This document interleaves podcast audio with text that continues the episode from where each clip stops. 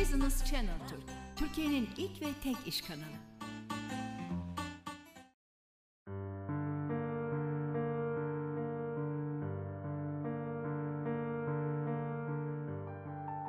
Merhabalar, hoş geldiniz tekrar Doktor Cakçak ile Ameliyat Arası programımıza. Business Kanal Türk'te yine beraberiz sizinle. Bugünkü konumuz safra kesesi hastalıkları olacak. Safra kesesi hastalıkları gerçekten yine ülkemizde de sıklıkla karşılaştığımız hasta gruplarından bir tanesi. Nedir peki safra kesesi hastalığı dediğimiz zaman ne zaman genel cerrah? Nedir yani bu olay? Neyle ilgili? Safra kesesi ne işe yarar? Bunları cevaplandırmaya çalışacağız. Sizden gelen sorularınıza bakıyorum bir taraftan. Öncelikle safra kesesi nerede? Yani bizim için ne şikayet oluşturabilir? Ona bakalım. Ne oluşturabilir safra kesesi hastalıklarında? Genelde şikayetlerimiz neler olabilir? Bir karın ağrısı olabilir. İki bulantı kusmalar olabilir. Genelde bu tip şeylerle. Üçüncüsü bizim dispektik şikayetler dediğimiz yani hazımsızlık, karında şişkinlik ve benzeri şikayetlerle gelebiliyor bu hastalarımız. Biz ne diyoruz? Genelde mide şikayetim varmışçasına gelir. Hasta benim hocam mide ağrım var. Mide ağrım olduğu için geldim dediği zaman biz bu tip hastalarımıza tabii ki mideyi değerlendiriyoruz. Yani hastamızın her söylemi bizim için çok değerli olduğu için her söylemini ayrı ayrı değerlendiriyoruz. Midesini değerlendiriyoruz ama bu tip hastalarda safra kesesiyle ilgili problemler olabileceğini de kesinlikle ve kesinlikle unutmamalıyız. İlk aklımıza getirecek hastalıklardan biri de safra kesesi hastalıkları olmalıdır. Peki normalde safra kesesi ne işe yarar hocam? Yani tamam var bu safra kesesi. İşte taşlar oluyor, çamurlar oluyor, polipler oluyor, bir sürü sebepler var. Ama normalde ne işe yarar diye baktığımızda aslında sindirim sistemine ait bir organdan bahsediyoruz. Ne işe yarıyor? Salgıladığı safra ile beraber yağ sindiriminde etkili olan bir organ aslında. Dolayısıyla bu tip hastalarımızda birazdan da bahsedeceğimiz gibi risk faktörlerinden bahsedeceğimiz gibi genelde yağ sindirimine yönelik olan problemlerle karşılaşıyoruz. İşte o hazımsızlıklar, şişkinlikler ve benzeri şeyler genelde bol yağlı veya işte kızartmalı, ağır yemekler yendiği zaman ortaya çıkan şikayetlerin sebebini oluşturuyor. Çalışmadığı zaman bu tip şikayetlere sebep olabiliyor. Peki ben ne zaman doktora gitmeliyim? Yani hani ne şikayetim olduğunda ne zaman gitmeliyim diye düşündüğünüzde olay şuna dönüyor. Bir, karın ağrınız varsa şiddetli, geçmeyen karın ağrılarından bahsediyorsanız, sırta vuran bir ağrıdan bahsediyorsanız, biraz da sağ yan ağrısından bahsediyorsanız veya sağ omuzda bir ağrıdan bahsediyorsanız bu tip şikayetler bizim için safra kesesini hastalıklarını düşünülebilecek olan şikayetlerdir. Sizin böyle bir şikayetiniz varsa, genelde bir hazımsızlık veya işte dediğim gibi midenizde yanma, ağrı tarzında şikayetleriniz varsa uzmanınıza görünmenizde fayda var. Tabii ki tekrar söylüyorum. Daha önceki programlarımızda da konuştuğumuz gibi mide hastalıklarıyla ilgili kısım değerlendirilecektir. Yani bunları göz ardı etmiyoruz ama biz safra kesesine yönelik de en azından tetkiklerimizi yapıp, değerlendirmemizi yapıp hastamızı doğru şekilde yönlendirmeye çalışıyoruz. Peki, bu hasta bende neden ben? Neden taş oluşur? Yani bu safra kesesi taşları neye binaen oluşur? Ben ne yapmamalıyım, ne yapmalıyım tarzında şeyler vardır. Safra kesesi hastalıkları için bir defa yani genel olarak bahsettiğimiz gibi bir genetik faktörler var.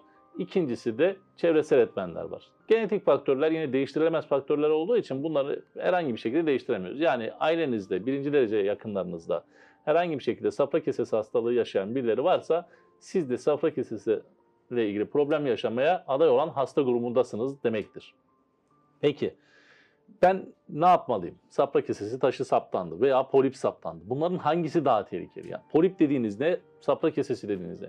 Polip dediğimiz şeyler aslında genelde gastrointestinal sistemin genel olarak kullanılan bir terimdir. Yani gastrointestinal sistemin geneli için midede olabilir, kalın bağırsakta olabilir, ince bağırsakta olabilir veya safra kesesinde olabilir. Polipoid lezyonlar dediğimiz küçük böyle cep gibi sıkıntılar gibi düşünün. Küçük küçük çıkıntılar gibi düşünmek lazım. Bunlar safra kesesinin iç yüzeyindeki o tabakadan kaynaklanaraktan lümenin içerisine doğru, o boşluğa doğru büyüyen lezyonlar gibi düşünmek lazım. Peki polip olarak görünen şeyler ama genellikle yani çok büyük bir ihtimalle e, safra kesesi taşı olup duvara impakte olan, duvara tamamen içine girmiş olan lezyonlar polip olarak değerlendirilebiliyor. Ama safra kesesi taşları bariz bir şekilde görünür. Genelde e, ultrasonla biz bu taşları teşhisi ta, e, tanıyı koyabiliyoruz. Peki geldik ben bu şikayetlerim oldu. Ne tetkikler yapılacak bana hocam? Nasıl bir yoldan geçeceğim? Ben genel cerrahla görüştüm, karşısına geçtim, şikayetlerimi anlattım. Hocam beni muayene edecek. Muayene ettiğimiz zaman bir hasta karnın üst tarafında bir ağrı varsa veya sağ üst tarafta bir ağrıdan bahsediyorsak safra kesesinin gerileşim yeri olarak düşündüğümüzde bu tip hastalarda safra kesesinden şüphelenmiş oluyoruz. Tetkik olarak ne istiyoruz?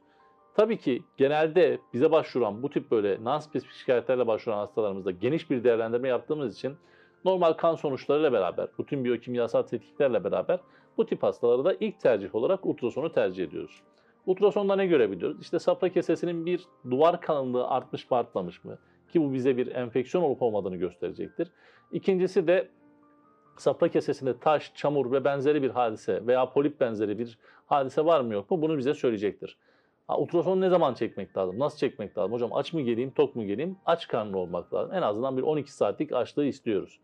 E, çünkü safra kesesinin kontraktör olmaması lazım. Siz yemek yiyip içip geldiğinizde ultrason yaptırmaya çalıştığınızda safra kesesi o sindirime yardımcı olmak için kendini kasacağı için lümenin içerisi yani içerideki boşluğu tam olarak net olarak değerlendiremeyebiliyor radyolog arkadaşlar.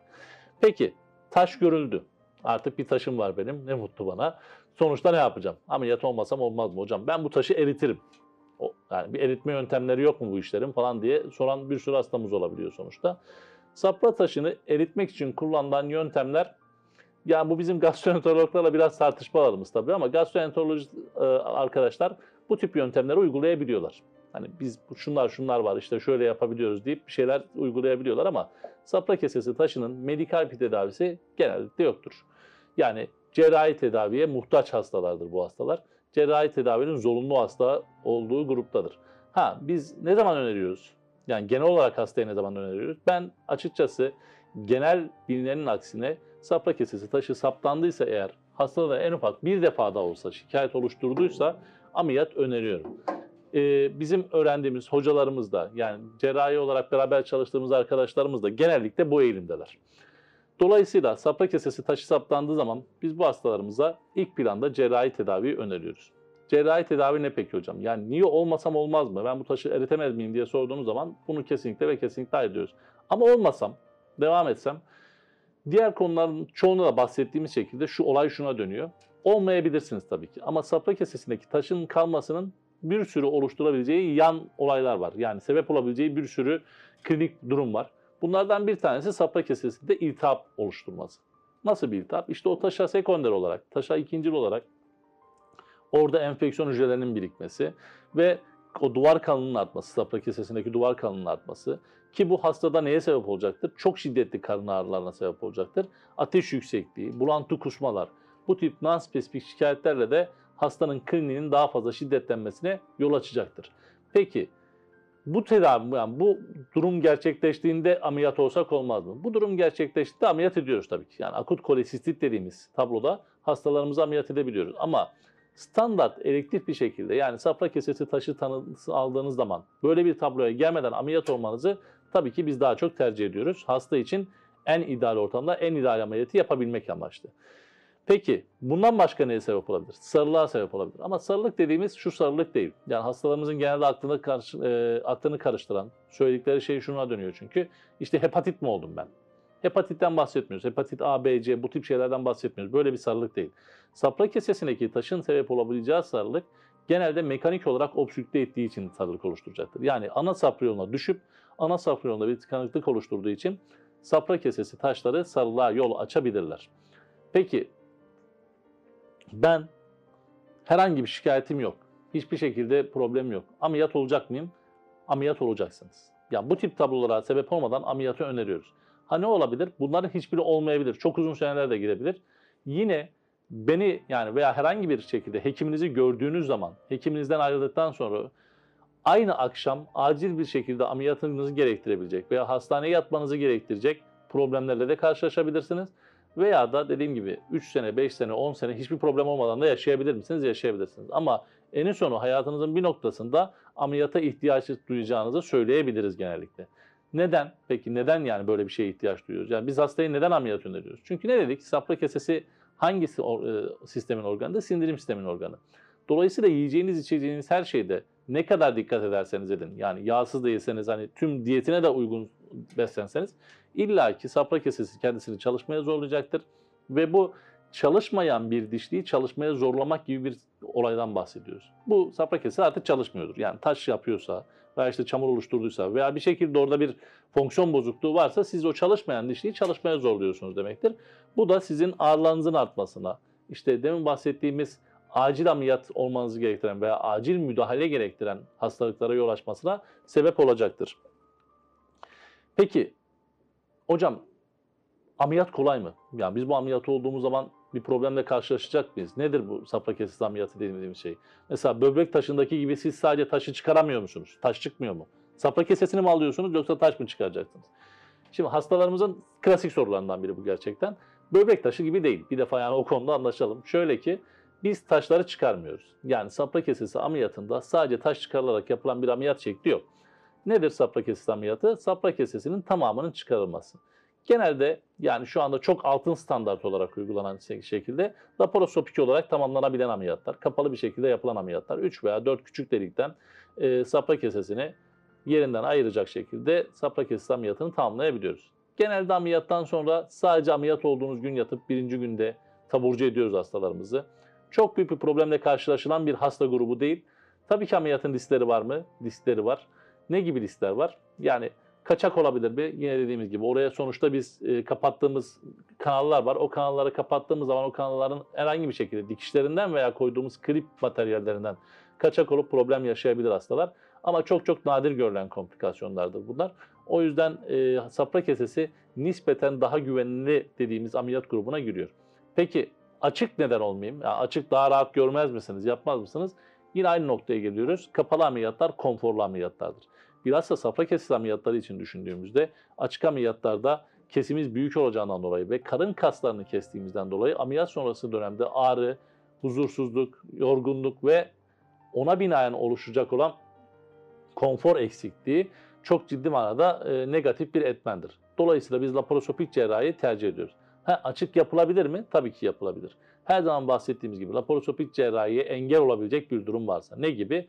İşte ileri derecede kronik obstrüktif akciğer hastalıkları varsa veya kalp yetmezlikleri varsa yani karın içerisindeki basıncı arttırmamızı engelleyecek hastalıkları varsa hastanın o zaman o tip hastalarda açık cerrahi uygulamak zorunda kalabiliyoruz. Peki burada ben acil ameliyat olmam gerekirse yani akut kolesistit grubuna geldiğimizde ne yapıyoruz? Yani ben ameliyat olmadım. Sapla kesesi taşı tanısını aldım. Ama hocam şu anda gittim bana ağrım vardı, dedi, ağrım vardı. Yatırdılar. E, ameliyat da etmiyorlar. Hani, hani ameliyat olacaktım ben. Yatırdınız. Ağrım var. Bir problem yok. Niye ameliyat etmiyorsunuz? Şu tablo şuna dönüyor arkadaşlar. Olay şu. Hastaneye başvuruyorsunuz. Hastaneye başvurduğunuz saatten itibaren genelde ilk 72 saat olarak söylenir. İlk 72 saat içerisinde ağrınız başladıktan sonra başvuruyorsanız ameliyatı uygulayabiliyoruz. Erken dönemde yani ağrınız başladıktan sonraki erken dönemde eğer hastaneye geldiyseniz hastamıza hızlı bir şekilde ameliyat uyguluyoruz. Ama ameliyat etmediğimiz hasta grubu var. İşte atıyorum hocam 3-4 gündür ağrım var ama işte şiddetli şiddetli ben yeni geldim. Veya da işte bir yerlere başvurmuş, bir iki tedavi uygulanmış, herhangi bir merkeze başvurmuş, bir iki tedavi uygulanmış ama geçmemiş ağrıları şiddetli bir şekilde devam ediyor. İşte üçüncü günden sonra yani o 72 saat, 48-72 saatten sonraki süreçte gelen bir hastadan bahsediyorsak biz bu tip hastalarda medikal tedaviyi tercih ediyoruz. Ha medikal tedavi ama şunun için değil. Ana sebebi çözmüyor. Yani sapra taşı için yapacağımız ameliyatı aslında sadece erteliyoruz. Yani biz ameliyattan vazgeçmiyoruz. Ameliyatı ertelemek demek ne demek? Orada bir enflamasyon var, bir enfeksiyon var, bir şekilde bakteriyel bir olay eklenmiş durumda. Bu tabloda ameliyat etmemiz durumunda yani belli bir zamanda geçtikten sonra orada vücut o enfeksiyonu engellemek amaçlı yaygın şekilde oraya yapışıp oradaki bir koruma kalkanı oluşturmaya çalışacaktır. Bu yapışıklıkları ayırmak erken dönemde çok zordur. Dolayısıyla biz ameliyat ettiğimiz zaman komplikasyon oranımız yükselecektir. Ameliyat sonrası karşılaşabileceğimiz problemler yükselecektir.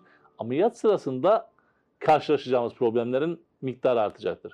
Biz bu tablolarda hastamızı yatırıp ağızdan yeme içmesini minimale indirip diyelim. Çoğunda kesmeye de biliyoruz. Sadece sıvı gıdalarla besleyip yani sindirim sistemini çok fazla zorlamayacak şekilde serumlarla besleyip hastamıza antibiyotiklerini düzenleyip birkaç gün takip edip daha sonra kliniği düzeldiğinde hastamızı taburcu edip ortalama 4 hafta ile 8 hafta arasında tekrar ameliyat için hastamızı için planlamayı yapıyoruz. Yani ilk başta ameliyat etmiyoruz. Hastamızı medikal olarak takip ediyoruz, ilaçlarla takip ediyoruz, serumlarla takip ediyoruz. Daha sonraki süreçte ameliyat için randevulaşarak hastamızı taburcu ediyoruz. Ha bu dönemde ne yapmak lazım peki? Bu hasta neler yiyecek, neler içecek bir medikal tedavisi var mı bu dönemi geçirmek için yapılacak olan? Tabii ki var. Ya medikal tedavi olarak e, verdiğimiz sindirimi rahatlatıcı olan ilaçlarımız var. Onları veriyoruz. En azından bu dönem içerisinde tekrar problem yaşamamak açısından. İkincisi de diyet önerisinde bulunuyoruz. Ne demiştik? Safra kesesi yağ sindiriminde etkili. Dolayısıyla yağlı, işte kızartma, abur cubur, patates cipsi, çerez ve benzeri şeylerden kaçınma, ağır beslenme alışkanlıklarından tamamen vazgeçme. Bunlar bizim için önemli oluyor. Ya bu tip hastalarda bunlardan vazgeçiyoruz.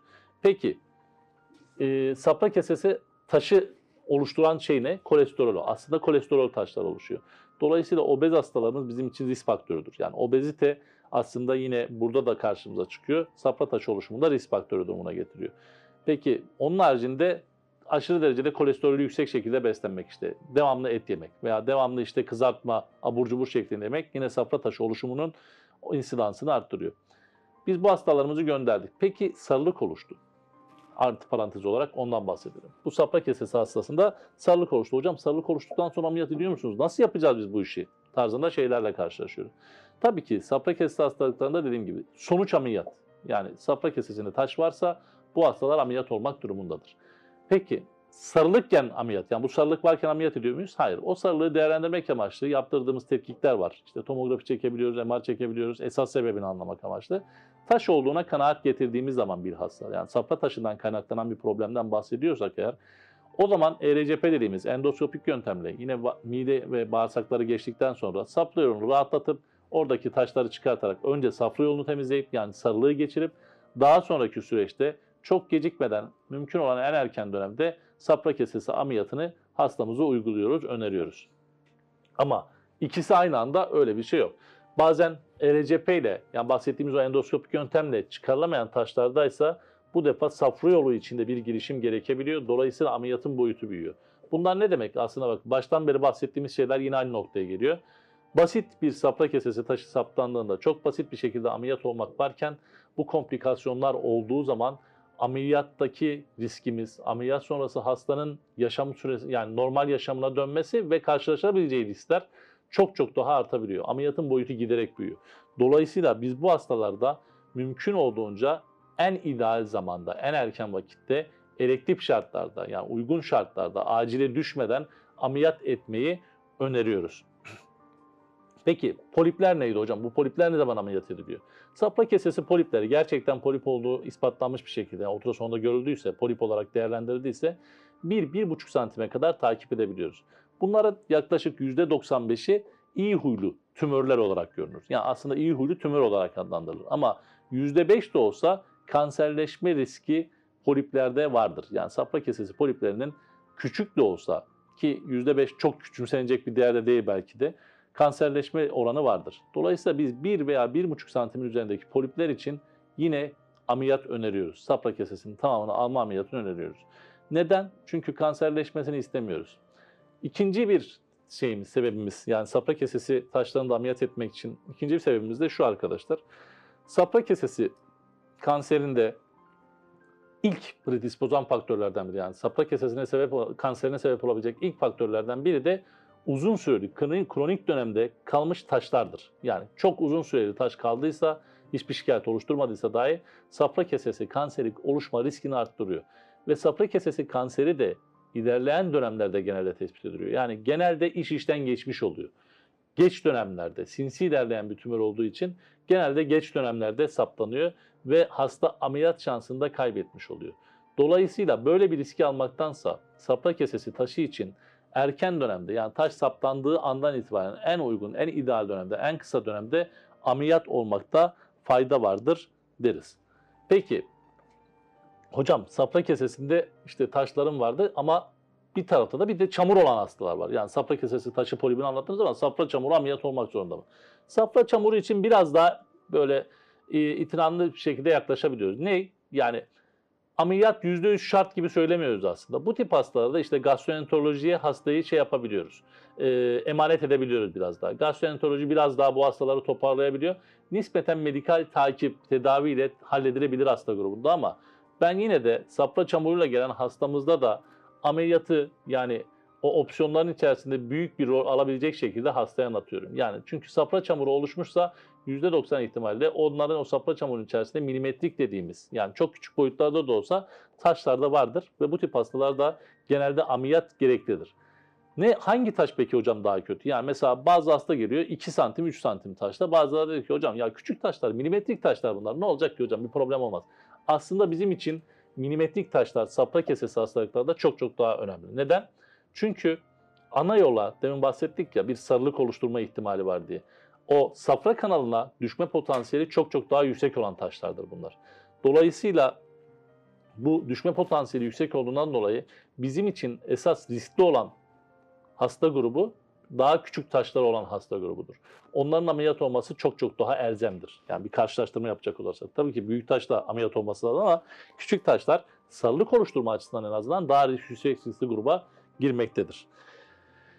Peki biz hocam safra kesesi kanseri olup olmadığımızı nasıl algılayacağız gibi bir şeyden bahsedilmiş. Peki safra kesesi kanseri şöyle arkadaşlar. Yani dediğim gibi sinsi gidiyor. Özellikle bu. Yani hani sinsi gittiği için %100 sizi safra kesesi kanseri işte şunlar şunlar olduğu zaman gelin dediğimiz bir şey yok.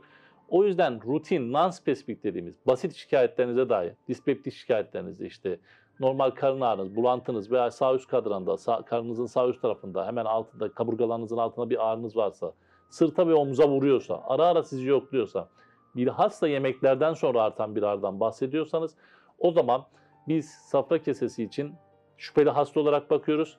Hastaneye gelip başvurduğunuzda zaten gerekli değerlendirmeler yapıldığında da bu hastalıkla ilgili herhangi bir problem var mı yok mu buna karar verebiliyoruz. Safra kesesiyle ilgili sorularınız bu kadar gördüğüm kadarıyla. Genel olarak sorulan sorular bunlar. Ekstra soru soranlar dediğim gibi ulaşabilirler bize veya diğer uzman hekim arkadaşlarla görüşebilirler. Çok teşekkür ederim. Sağlıkla kalın. İyi günler. Görüşürüz.